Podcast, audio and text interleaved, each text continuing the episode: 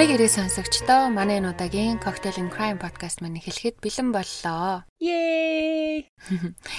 За маш удаан хугацаанд тайтдаг уулзаагүй байжгаад аа нэг дугаар оруулсан чинь манай бүр амар хурдтай тэр доороо бөөм бөнөөр орж ирээд бүр ингээд амар сэтгэл хөдлөлөө тэгээд бүх хүлээж ийсэн бүх хүлээн авсан сонсогч нартай бүгдээрэнд нь маш их баярлаа.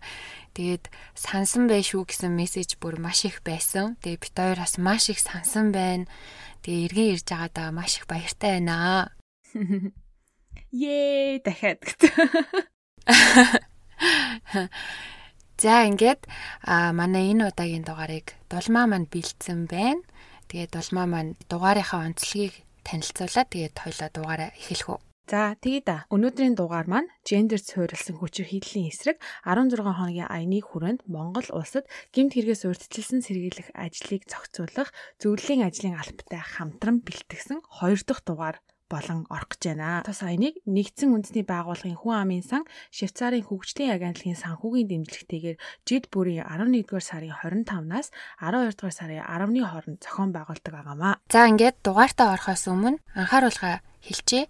Манай подкаст нь насанд хүрсэн хүмүүст зориулагдсан учраас насан туршаагүй юм уу эсвэл юмнаас хит амархан айдаг эмзэг хүмүүс бас сонсоод димэн шүү гэж зөвлөдөг байгаа. Яагаад тэгэхээр бит хоёр болсон явдал болон бодит гэмт хэргийн тухай ярьдаг учраас зүрх судасны өвчтөе хүмүүс юм уу, эмзэг хүмүүс айж зүудлэх нягууртай гэхгүй. Тийм учраас сонсогчд маань өөрсдөө араа дааж сонсоорой гэж бит хоёр хэлдэг.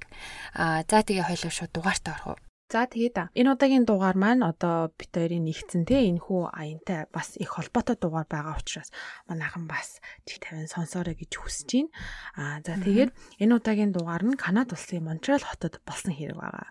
За хэргийн гол дүр бол Mark Lepine гэдэг залуу. Түүний ээж нь Франц гаралтай, аав нь Алжир гаралтай бөгөөд 1964 оны 10 сарын 26-нд Гамил Родриг Гарби нэртэйгээр айлын том хүү болон мэндэлсэн байдаг. Түүний эцгийг Рашид гэдэг өгөөд Алжир улсаас Канада руу цагаачлан брокероор ажилладаг байсан. Канадад ирээд удалгүй Моник Лепин гихт совилогч бүсгүйтэй танилцсан гэр бүл болдог. Ээж нь совилогч мэрэгжилдээ хайртай бөгөөд сайн ч ажиллаа хийдэг байсан хэдий ч нөхөртөөгөө гэрэлснээс хойш ажилласаа гарan гэр бүлдээ анхаарлаа хандуулах болсон. Маркийн аав Рашид нь эмэгтэй хүн эрэгтэй хүнтэй адил тэгш ирэхгүй бөгөөд эрэгтэй хүн гэр бүлээ толгоолж эмэгтэй хүн харин түүнийг дагалдаж гэр орноо хариуцж явах тийм үүрэгтэй гэдэгт 100% бат итгэдэг хүн байсан байгаа.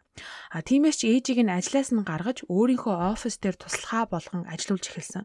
Ээж нь хичнээн сувлагч мэрэгжилтэй хайртай байсан хэдий ч нөхрийнхөө үгэнд орж бүх зүйлийг дуулууртай тухай үедээ хийдэг байсан. Тэгээ ээж нь брокерийн тухай ямар ч ойлголт байхгүй түнд ажил дээрээ алдаа гарах нь илбэг байсан бөгөөд аав нь түнд одоо зааж сургахын оронд уцаарлаж ууралсандаа бүр хүмүүсийн нүдэн дээр гар хүрч загинж дарамтлагдаг байсан. Гэр бүлийн уур амьсгалын хувьд ч гэсэн Рашид бүх дүрм журмыг ер нь гаргадаг. А ээж нь хүүхдүүдтэй хайр инрэл зөөлөн сэтгэлийг үзүүлэхийг аав нь бүр хатуу цэвэрлдэг байсан. Яагаад гэвэл аавынх нь ийм байдлаар хүүхдүүд өсвөл эрх нэлон одоо ямар ч ноён нуруугүй өснө гэж боддог байсан учраас гэртээ дулаан зөөлөн хайр инэрлийг ер нь бол бүр цэвэрлсэн байдаг. Гэр бүлийн уур амьсгал ер нь бол маш хөндий хүйтэн хүчирхийлэлээр дүүрэн байсан бөгөөд ээж нь энэ байдлыг олон жил твцсний эцэст 1971 онд Маркийг 7 настай байхад нөхрөөсөө салах өргөдлөө өгдөг байгаа.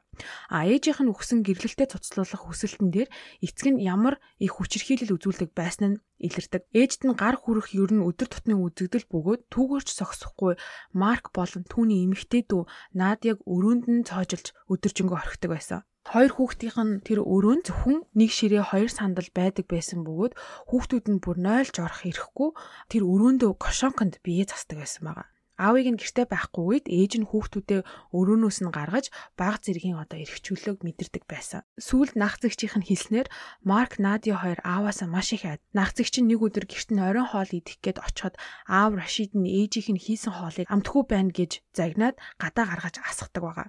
Ээж нь асгсан хоолыг нь цэвэрлэж байхад аав нь олигтой хоол хийж чадахгүй арчаагүй эмхтэйг химээ ээжийг нь толгооноос нь барин хан руу олон удаа савсан. Энэ бүх явдлыг Марк болон түүний дүү Над наадыг харсан бөгөөд тэдний амьдрал ээж аав хоёр нь одоо салхаас өмнө иймэрхүү хүчирхийллээр ер нь бол дүүрэн байсан. За тэгээ 1976 онд Маркийг 12 та байхад аав ээж хоёрын нь гэрлэлт албан ёсоор цуцлагдаж аав нь тэр цагаас хойш ер нь бол сургаггүй алга болсон. Мэдээж аав нь хүчирхийлдэг байсан тул ээж нь хоёр хүүхдээ асран хамгаалах эрхийг 100% шилжүүлэн өгдөг байгаа. Сая хэлсэнчлэн түүний төрсөн нэр нь Гамил Родриг Гарби гэж байсан дээ. Марк 14 настай байхдаа нэрээ Марк Лепин болгон албан ёсоор сольдог. А яагаад гэвэл сургууль дээр хүүхдүүд түүний нэрнээс болж их шоолж давхурхдаг байсан. Бас дээрэс нь аавынхаа үзүүлсэн хүчирхийлэл хүүхдүүдэд хайж явсан шалтгаанаас болж Марк аав хувийнхаа маш ихээр үзэн ятсан бөгөөд өөрт нь өгсөн нэрийг хүртэл үзэн ядаж энэ хүн нэрээ Марк болгоод ээжээрээ оглох болсон байдаг. Ээж нь энэ хүн өрх толгоосон эмэгтэй болж одоо хоёр хүүхдэд тижээхийн тулд буцаад цовлогчийнхаа ажилд ордог байгаа. Мөн дээрэс нь одоо мэрэгжлээ дээшлүүлээ тий хүүхдүүдийнхаа төлөө илүү цалинтай мундаг ажил хий гэж ажлынхаа хажуугаар сургууль сурч эхэлсэн. Тиймээс олон цагаар ажиллаж бас хажуугаар нь сургуульд явж байгаа учраас түнд хүүхдүүдэд харах боломж байхгүй байсан учраас нэгтгэс тавтахын хооронд ер нь бол марк дүүтэйгээ хамаатнуудынхаараа ингээд хэсүүчилж явдаг байсан. Тэгээ ер нь бол ээжтэйгээ зөвхөн амралтын өдрүүдээр уулздаг болсон байгаа. За тэгээ иймэрхүү байдлаар явсаар агаад 1975 онд марк дүү болон ээжтэйгээ сэтгэл засалч дээр очиж эхэлдэг. Аав нь хүүхдүүддээ те ямар ч хайр инэрл үзүүлдэггүй мөн ээжийг нь ч бас үзүүлэхийг зөвшөөрдөггүй байсны улмаас тэр 3 одоо бие биедээ хайр инрэл үзүүлэх болон хүлээн авах чадамжгүй байсан учраас одоо мэрэгжлийн тусламж хүсэж гэр бүлэрээ сэтгэл засалч дээр очиж эхэлсэн байдаг. Хичнээн сэтгэл засалч дээр очиж тусламж авч байсан хэдий ч одоо энгийн нэгэн гэр бүл шиг те цагийг хамтдаа өнгөрөх өдөр тутмын амьдрал гэдэг нь шүү дээ. Ээж нь ажилласаа ирээл хоол хийгээл одоо хамтдаа хоолоо идээд ингээд хүүхдүүдийнхээ их даалгаврыг хийх туслах ч юм уу. Тиймэрхүү энгийн одоо амьдралын хэмнэл байхгүй байсны улмаас тэдний харилцаа ер нь бол нэг их дээрдэггүй. За тэгээ Марк хичээлдээ сайн биш ч одоо мууч биш ер нь бол дундаж сурлагтан байсан. Ерөнхийдөө болол түүний зан төлөвөнд дуугүй тэгээ дотогш хүүхэд байсан учраас найз нөхөд ч гэсэн ер нь бол байгаагүй. Ээж нь Маркийг ганцаараа байсараагаа зожиг болчих үедээ гэдгээс имээгээд Big Brother Mentorship програмд элсүүлдэг байгаа. За энэхүү програм нь нэг ясандаа хүүхдүүдэд ментор болох ах одоо олж өгдөг бөгөөд тэр ах нь дүүдэд эерэг дадлаас эхлээд нийгэмд өөрийгөө хэрхэн зөв илэрхийлэх, өөрийгөө зөв авч явах гих мэтийг за зааж зааварчилж өгдөг байгаа. Энэ програмд ороод хэрэл зураг авах болон мотоцикл сонирхож эхэлсэн бөгөөд ээжийг нь хэлснээр маркет нэлээд эерэг өөрчлөлт гарч эхэлж исэн. А харамсалтай нь энэ програмд ороод нөх удаагүй яагаад гэвэл маркийн одоо хүлээж авсан ах нь насанд хүрээгүй хүүхдүүдэд бэлгийн хүчээр хилэл үзүүлсэн учраас програмаас хасагддаг. Тиймээс Mark Big Brother-гоо ахгүй болсон байдаг. Энэ явдлаас болоод Маркаас мэдүүлэг авахд тэр ах нь өөрт нь олвол хизээч тийм ёс бусаар хүрж байгаагүй гэдгийг хэлдэг байгаа. Ингээд том ахгүй болсон тэр програмаас гарсан бөгөөд гэрэл зураг, мотоцикл сонирхоо болж харин аимшигын кино болон дайны талаар донтон судлах болсон. Маркийн одоо хамгийн дуртай сэдв нь болохоор дэлхийн 2 дугаар дайн ялангуяа Адольф Гитлерийн тухай бүр донтож судлах тухай одоо докюментарийг үзэх бүх л юу бэ тэрийг уншиж ингээ мэдэх дуртай болсон. За тэгээ Марк 17 той байхдаа Канадын цэрэгт элсэх гэж оролцсон боловч тэнцээгүй. Тэгээ сүүлд өөрийнх нь хэлснээр анти сошиал буюу те нийгмийн эсрэг цэрэгт ороод одоо бусадтайгаа нийгэмшиж чадамжгүй гэдэг шалтгаанаар тэнцвүүлээгүй гэж хэлсэн байдаг. Ахлах сургуулаа төгсөөд 2 жилийн хугацаатай шинжлэх ухааны тийм курст илсэн байдаг. Энэ үед ээж нь сургуулаа төгсөөд ажилдаг эмнэлэг дээрээ бас тушаал твшин сувлагч нарыг хариуцж авсан эрхлэгч хүртэл болсон байдаг. Тэгээ ээжийнхаа ажиллаж байсан эмнэлэгт ажилд орж одоо өвчтний хоол зөөх, цэвэрлэгээ хийх мэт одоо ажлыг ер нь хийж эхэлсэн байгаа. Марк коллежд ороод 2 жилийн курсээ дүүргэж чадалгүй 1 жил болоод хайсан байдаг. Түүний сонирхол нь өөрчлөгдөж цахилгаан технологийн 3 жилийн өөр нэгэн курс шилжиж орсон. За тэгээ шинэ програмдаа сайн байсан хэдий ч бас л 1 жил болоод тэр програмыг хайсан байдаг.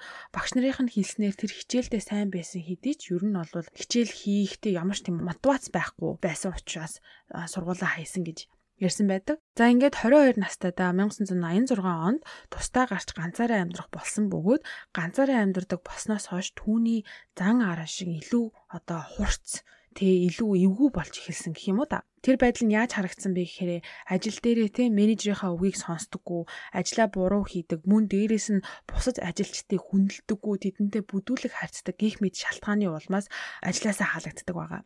Тэгээ энэ үеийн тухай эргэн тойрны хүмүүсийн мэдүүлснээр маш бүдүүлэг, ялангуяа эмгтэй хүнийг үзэж чаддгүй. Тэр дундаа бүр карьер хүүсэн эмгтэйчүүдийг үнэн голоосоо үзэн яддаг гэж чөлөөтэй ойр тойрныхоо хүмүүс ярьдаг байсан байгаа. Яагаад одоо те карьер хүүсэн эмгтэйчүүдийг голчлон үзэн яддаг байсан бэ гэхээр эрэгтэй хүний хийх ёстой ажлын мистик булаан авч ажилдаг. А маркийн итгэдэг зүйл нь болохоор эмэгтэй хүний гол үүрэг бол хүүхэд гаргаад гэрээ цэвэрлээд нөхрөө хүлээгээ гэртээ байх ёстой гэдэг бодолтой байсан.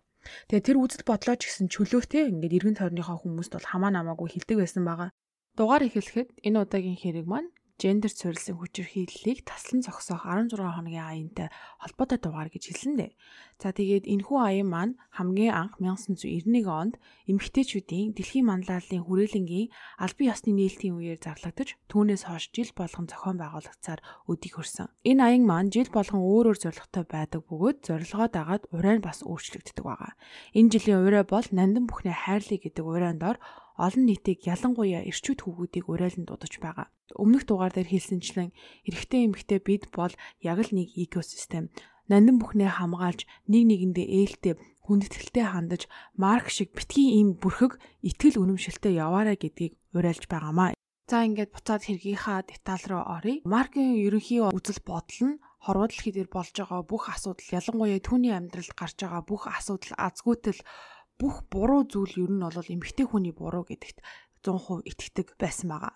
Хитнээ нэг хүрст ороод тэрийг дүүргэж чадахгүй ингээл нэг хоёрын хооронд юм ингээ хайсан ч гэсэн ерөөсөө одоо боловсрлоо дээшлүүлэх ирмэлзэл нь бол маркийн хувьд зогсоогүй. Монреал хотын одоо политехникийн сургуульд инженер мэрэгчлэр суралцахаар анкет бүгэлсэн хэдий ч бас тэнцээгүй байгаа. А яагаад тэнцээгүй гэхээр инженерийн үндсэн ангиудыг авч эхлэхээс өмнө хоёр суур ангийг дүүргэх ёстой байсан хэдий ч Марк зөвхөн нэг ангийг л дүүргэсэн. Өөрийг нь одоо сургууль тэнцвүүлээгүй гэж бүр сургуулийн захиргаан дээр хүртэл гомдол гаргасан байдаг. Ямар гомдол гаргасан бэ гэхээр инженерийн програм чинь эмгтэй хүмүүсээр дүүрсэн болохоор та нар намайг эрэгтэй гэж голоод авахгүй байна гэдэг балай гомдол гаргасан байдаг. Сургууль нь өөдөөсөндөө үгүй ингээд чи өөрөө шаардлага хангаагүй учраас бид нар чамааг инженерийн сургалтанд те ингээд хүлээж авч чадахгүй гэж яхад баш олон удаа очиж хэрүүл хийсэн гэж байгаа. Тэгээ өөрөө шаардлага хангаж чадаагүй ээжиж өөр тохиолдох юу нь бол бүхий л асуудлыг эмгтээчүүдийн буруу мэт хардаг байсан байгаа. За ингэж явсаар 1989 оны 8 дугаар сард галт зэсэг зэвсэг худалдан авах эзэмших лицензний шалгалтыг өгч 11 сард хагас автомат буу худалдан авдаг. Тэгээд тэр оныхоо 12 сарын 2-нд нь ээжтэй төрсөн өдрийн бэлэг өгөхөд ээж нь гайхсан байдаг. Яагаад гэвэл ээжийнх нь төрсөн өдөр 12 сарын сүүлээр байхад ямар их надад бэлэг өгч байна гэсэн хэдий ч юу ч бодоагүй байдаг. За тэгээ ээжтэй бэлэг өгснөөс хойш 4 хоногийн дараа буюу 1989 оны 12 сарын 6-ны өглөө Марк захаа бичим өдрийн дийлэнхийг өнгөрөөсөн байдаг дотно гэж боддог найз нөхөд болон гэр бүлийнхэндээ зориулан гэрээслэл маягийн захаа бичсэн бөгөөд хажуугаар нь тодорхой хүнд хаялаагүй нэг захаа бичсэн. Захаануудаа бичиж дуусаад 4 цагийн үед Polytechnic-ийн сургуулийн бүртгэлийн офис руу явдаг байгаа.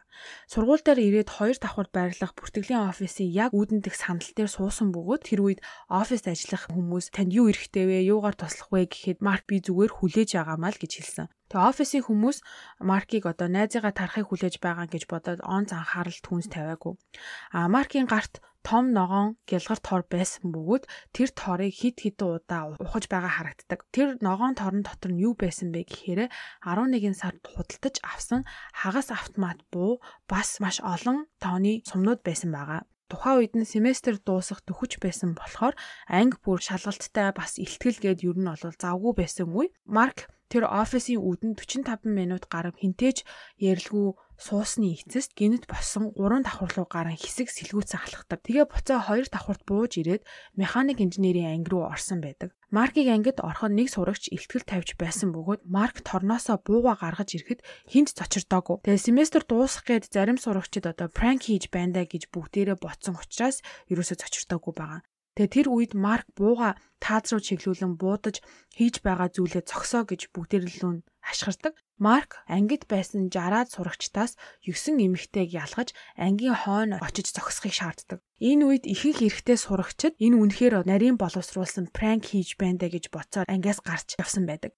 Марк тэдгээр 9 эмэгтэй сурагчдыг ангийн хойно жагсааж зогсоогоод та нар яагаад ингэж зогсож байгаагаа мэдэж байна уу гэж асуудаг. Тэгэхэд нэг сурагч чи хэн бэ гэж асуухад Марк би феминизмтэй тэмцэхээр ирсэн гэж хэлсэн. Тэгээ өөр нэгэн сурагч бид нар феминист биш штэ бид зүгээр л инженерээр сурч байгаа сурагчд гэж хэлэхэд Марк ер нь бол тэдрийг тоосон шинжгүй эмэгтэй сурагчдыг буудаж эхэлсэн байгаа. 27 удаа буудаж 9 дэ сурагчдын 6 газар дээрээ нас барсан. Тэгээд Марк тэр ангиас гараад коридор таарлцсан хүмүүс рүү буудаж 3 хүнийг шахагдуулдаг. За ингээд хоёр дахь анги руугаа ороход хамгийн түрүүнд нүдэн туссан. Өрөөний ард суух эмгтэй сурагч руу буугаад чиглүүлэн бууцсан боловч суман дууссан байсан. Марк ангиас гарчгүйгээ шатны дор орон буугаа цэнэглээд буцаж тэр анги руу орох гэсэн боловч сурагчид аль үжээ одоо хаалгаа хаан цоожилж амцсан байдаг. За хаалгыг онгойлгох гэж хит хитэн удаа бариулыг бууцсан боловч амжилт олоогүй дараагийн хохирогчтой хайн сургуулийн коридороор явж байгаад шатаар өксөж буй нэгэн эмэгтэй сурагчийг бууцсан. Аз болж тэр сурагч зүгээр бэртэл аваад зутаж чадсан байдаг. За ийхүү явсаар сургуулийн санхүү хариуцсан оффист дөхөн очиход буун дууг сонссон төсвийн ажилтан Марис гэх эмэгтэй офисын хаалгыг одоо яг хааж байхад нь таардаг байгаа. Тэгээ хаалганы бариулаас Марк татсан хэдиж Марис одоо бүх хүчээ шавхан хаалгыг амжиж хаан төгждөг. Харамсалтай нь тэр хаалга нь хажуудаа им жижигхэн цонхтой байсан бөгөөд тэр цонхоор эмхтэйг хоёр удаа буудан хөнөөсөн. Марк шатаар буун нэг давхарт байрлах сургуулийн цайны газарт ирэхэд маш олон сурагчид байсан бөгөөд нүдэнд харагдах тааралдах эмхтэй сурагч болгон руу буудаж эхэлсэн байгаа. Тэгээ цайны газарт гурван эмхтэй аминд хүрч олон хүмүүсийг бэртээсний дараа гурван давхарлаа буцаж гардаг. Гурван давхрын ангиуд доод давхруудад юу болж байгааг ерөөсөө мдээгүй шинжтэй бүгдээрээ ангитай дууга суугаа шалгалтаа өгөөд илтгэлээ тавьж байсан байгаа. Тэгээ гурван давхарт гараад хамгийн ихний анги руу орон эрэгтэйчүүдийг нь гарцгаа гэж гарцгаа гэж орилоод танхимын урд илтгэл өгч байсан эмэгтэй сурагчийг буудаж унгаадаг. Ангид байсан сурагчдын зарим нь гарч зүхтааж зарим нь болохоор ширээн доогоор орон нуугддаг. Зүхтаахыг оролцсон хоёр эмэгтэйг хөнөөсний дараа ширээн доор нуугдаж байсан сурагчид руу гал гаргаж эмхтэй нэг сурагчийг хөнөөдөг. Тэгээ сүүлдээ ингээд бүр галзуурсан аятай сумаа дуустал ангийг тойруулан буугаараа шүшдэг. Тэгээд самбрын урд буудуулан шархацсан сурагч эмхтэй дээр очин ангийн хутгаар цээжин тус газар нь 3 удаа хутгалан эмэгтэй амийг тасалсан. Энэ үйлдэлийн дараа танхимын тайзны ирмэг дээр сууж малгай болон гадуурх цамцаа тайснаа аа шэд гэж хэлээд бууга толгондоо тусган амиа югүйтгсэн байгаа. Тэгээ энэ бүх зүйл оройны 5 цаг 10 минутын үед эхэлсэн бөгөөд Марк өөрийгөө буутахад цаг 5 цаг 30 минут болж исэн. 20 минутын дотор тэр 14 эмэгтэй аминд хүрч 10 эмэгтэй болон 4 эрэгтэйд хүнд гэмтэл учруулсан байдаг. Тэгээ хохирогч 14 эмэгтэй нэг нь сургуулийн ажилтан, нэг нь совилогчаар а нөгөө 12 нь болохоор инженер мэрэгчлэр тус тус суралцж байсан байгаа. 5 цаг 21 минутын үед түргэн тусламж хэргийн газар дээр ирсэн боловч цагдаа нар шалгаж дуустал орч чадаагүй. Бүх хэрэг дууссаны дараа 5 цаг 36 минутанд хэрэгтэн амиа юу тэгсэн мэдээгээр түргэн тусламж сургууль руу нэвтэрдэг. Тэгээ тухайн үед Монреаль хотын цагдаагийн газрын олон нийттэй харилцах албаны дарга хэргийн газрыг өөрийн биеэр шинжгээр ирсэн. Хэрэгтний амиа эгүүтгсэн ангид тэр ороход хамгийн түрүүнд илтгэл тавьдаг тайз харагдсан байгаа. Тэр тайзан дээр твтэж буй эмхтэйг олж хардаг. Эмхтэн цогц руу ойртоход өөрийнх нь охин хөвтөж байхыг тэр олж мэддэг байгаа. Энэ бүх болсны дараа цагдаагийн ажилтнууд маркийн хувцсыг нэгтгэхэд карманаас нь 3 хуудас захиа гарч ирсэн байдаг. Тэгээ ер нь бол нэлээд урт захиа байсан учраас товчлоод гол утгыг нь ер нь бол ярьчихъя гэж бодлоо. Тэгээ захаан дээрээ хамгийн түрүүнд бичгтээ алдаа гаргасан бол уучлаарай. Энэ захиаг бичихэд надад зөвхөн 15 минут л байлаа. Өнөөдөр 1989 оны 12 сарын 6-ны өдөр би амиа хорлсон нь санхүүгийн асуудлаас биш, улс төрийн асуудлаас болсон гэдгийг сана. Миний амьдралыг үгүй хийсэн бүх феминистүүдийг би бурхан руу нь явуулахаар өнөөдөр шийдлээ. 7 жилийн турш миний амьдралд ямар ч аз жаргал байгаагүй учраас энэ бүхнийг дуусгахаар би өнөөдөр шийдсэн. Тэгээ энэ үйлдэлээ томоохон гүйцэтгэхийн тулд цэрэгт элсэх гэж үтсэн боловч би чадаагүй. Удаан хүлээсний эцэст өнөөдөр биелүүлээ гэж бичсэн байдаг. Гурван хуудас захааных нь ерөнхий утга нь эмэгтэйчүүд бол ер нь бүх асуудлын голомт байдаг. Ирчүүд бол эмэгтэйчүүдээс дээгүүр гэсэн утгатай захаа бичсэн байдаг. Тэгээ захааны хамт 19 эмэгтэй нэр байсан бөгөөд тэр сургууль дээр амиа алдсан эмэгтэйчүүдийн нэгний ч нэр байгаагүй. 19 эмэгтэй хүний нэрийг бичингуудаа доотлолт нь өнөөдөр тэд өгсөнгүү. Би оройтсон тул энэ феминистүүд амьд үлдлээ гэж бичээд орхисон байдаг. Маркийн амьдралыг ингээ харахад багаасаа ер нь бол аваасаа болоод ингээд их хүчрхийлэл амссан. Гэхдээ хамгийн гол нь өөрөө амьдрал тохиолдсон бүх бүтлгүүтэлд эмгтэй хүмүүсийн буруутгаж энэхүү аимшигт хэргийг хийсэн байгаа. Хүссэн сургуультай орох боломжтой байсан хэдий ч өөрөө залхуурч шаардлагатай ангийг нь аваагүй. Тэгсэн мөртлөө дэндүү олон эмгтэй сурагчтай байгаа учраас та нар намайг авахгүй байна. Эмгтэйчүүд рүү уура чиглүүлсэн. Тэр өдөр Марк 14 эмэгтэйг сургууль дээр хөнөөсөн боловч энэ явдлаас үүдэн маш олон хүмүүс хохирсон байгаа. Маш олон сурагчид PTSD буюу гэмтлийн дараах стрессийн эмгэгээс болж сэтгэл санааны өөрчлөлттэй болсон. Амиа алдсан эмэгтэй сурагчдад тусалж чадаагүй дээ зарим сурагчид сэтгэл санааны бүр гүн дарамтанд ороод өөрсдөө буруутган амиа югүйтгсэн байдаг. Тэгээ зөвхөн тэр явдлыг тухайн үедээ харсан сурагчдаас илүү бас тэдний гэр бүл маш их хохирсон байдаг. Нэгэн эрэгтэй сурагч Маркийг зогсоох гэж оролдоогүйдээ бүр маш их харамсаж сэтгэлээр унан амиа хорлсон байгаа. Тэр явдлаас хойш залууг нас барснаас 10 сарын дараа ээж аав нь хүүгээ алдсан сэтгэлийн зовлонгоо дийлэлгүй хамтдаа амиа хорлсон байдаг. Тэгээ ингээд бүр Маркас болоод маш олон хүмүүс сэтгэл санааны хохирол амссан байдаг. Маркийн дүү Надя сэтгэл санааны гүн тарамт нь Орсны улмаас харт тамхи их хэмжээгээр хэрэглэж эхэлсэн бөгөөд энэ явдлаас 7 жилийн дараа 1996 онд харт тамхи хэтрүүлэн хэрэглэж амиа алдсан байгаа. Тэгээд дугаар эхлэхэд э, хэлжсэн да одоо энэ удаагийн хэрэг маань гендерт суурилсан хүчирхийллийг талсан зогсоох 16 хоногийн аянтай ер нь холбоотой дугаар байгаа гэд яагаас тэгж хэлсэн бэ гэхээр Энэхүү аян маань хамгийн анх 1991 онд эмэгтэйчүүдийн дэлхийн манлайллын хүрээлэнгийн албан ёсны нээлтийн үеэр зарлагдаж түүнээс хойш жил болгон зохион байгуулагдсаар өдөө хүрсэн. Тэгээ Маркийн хийсэн хэрэг нь 1989 онд болсон бөгөөд 1991 онд энэхүү аян эхлэхэд түлхэж болсон гол факторуудын нэг. Энэ аян маань 11 сарын 25-ны эмэгтэйчүүдийн эсрэг хүчирхийллийн эсрэг олон улсын өдрөөр эхлээд 12 сарын 10-ны олон улсын хүний эрхийн өдрөөр дуустдаг аян байгаа. Энэ дунд нь ярьсан хэрэг Equally Polytechnic Massacre-ийн ой болох 12 сарын 6 бас багтдаг байгаа. Аа.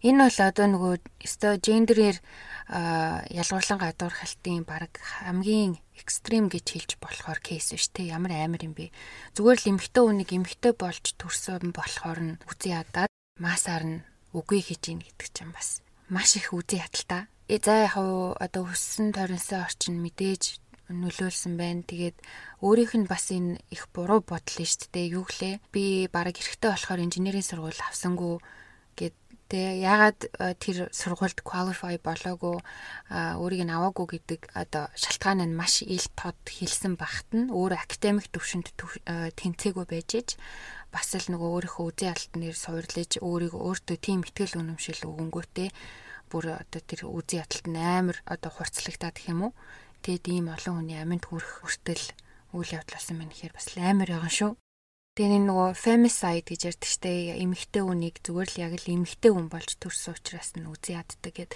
Би яг аль кейсийг үлээ судалж байхад аа нэг юм юм гарч ирж байсан хгүй юу?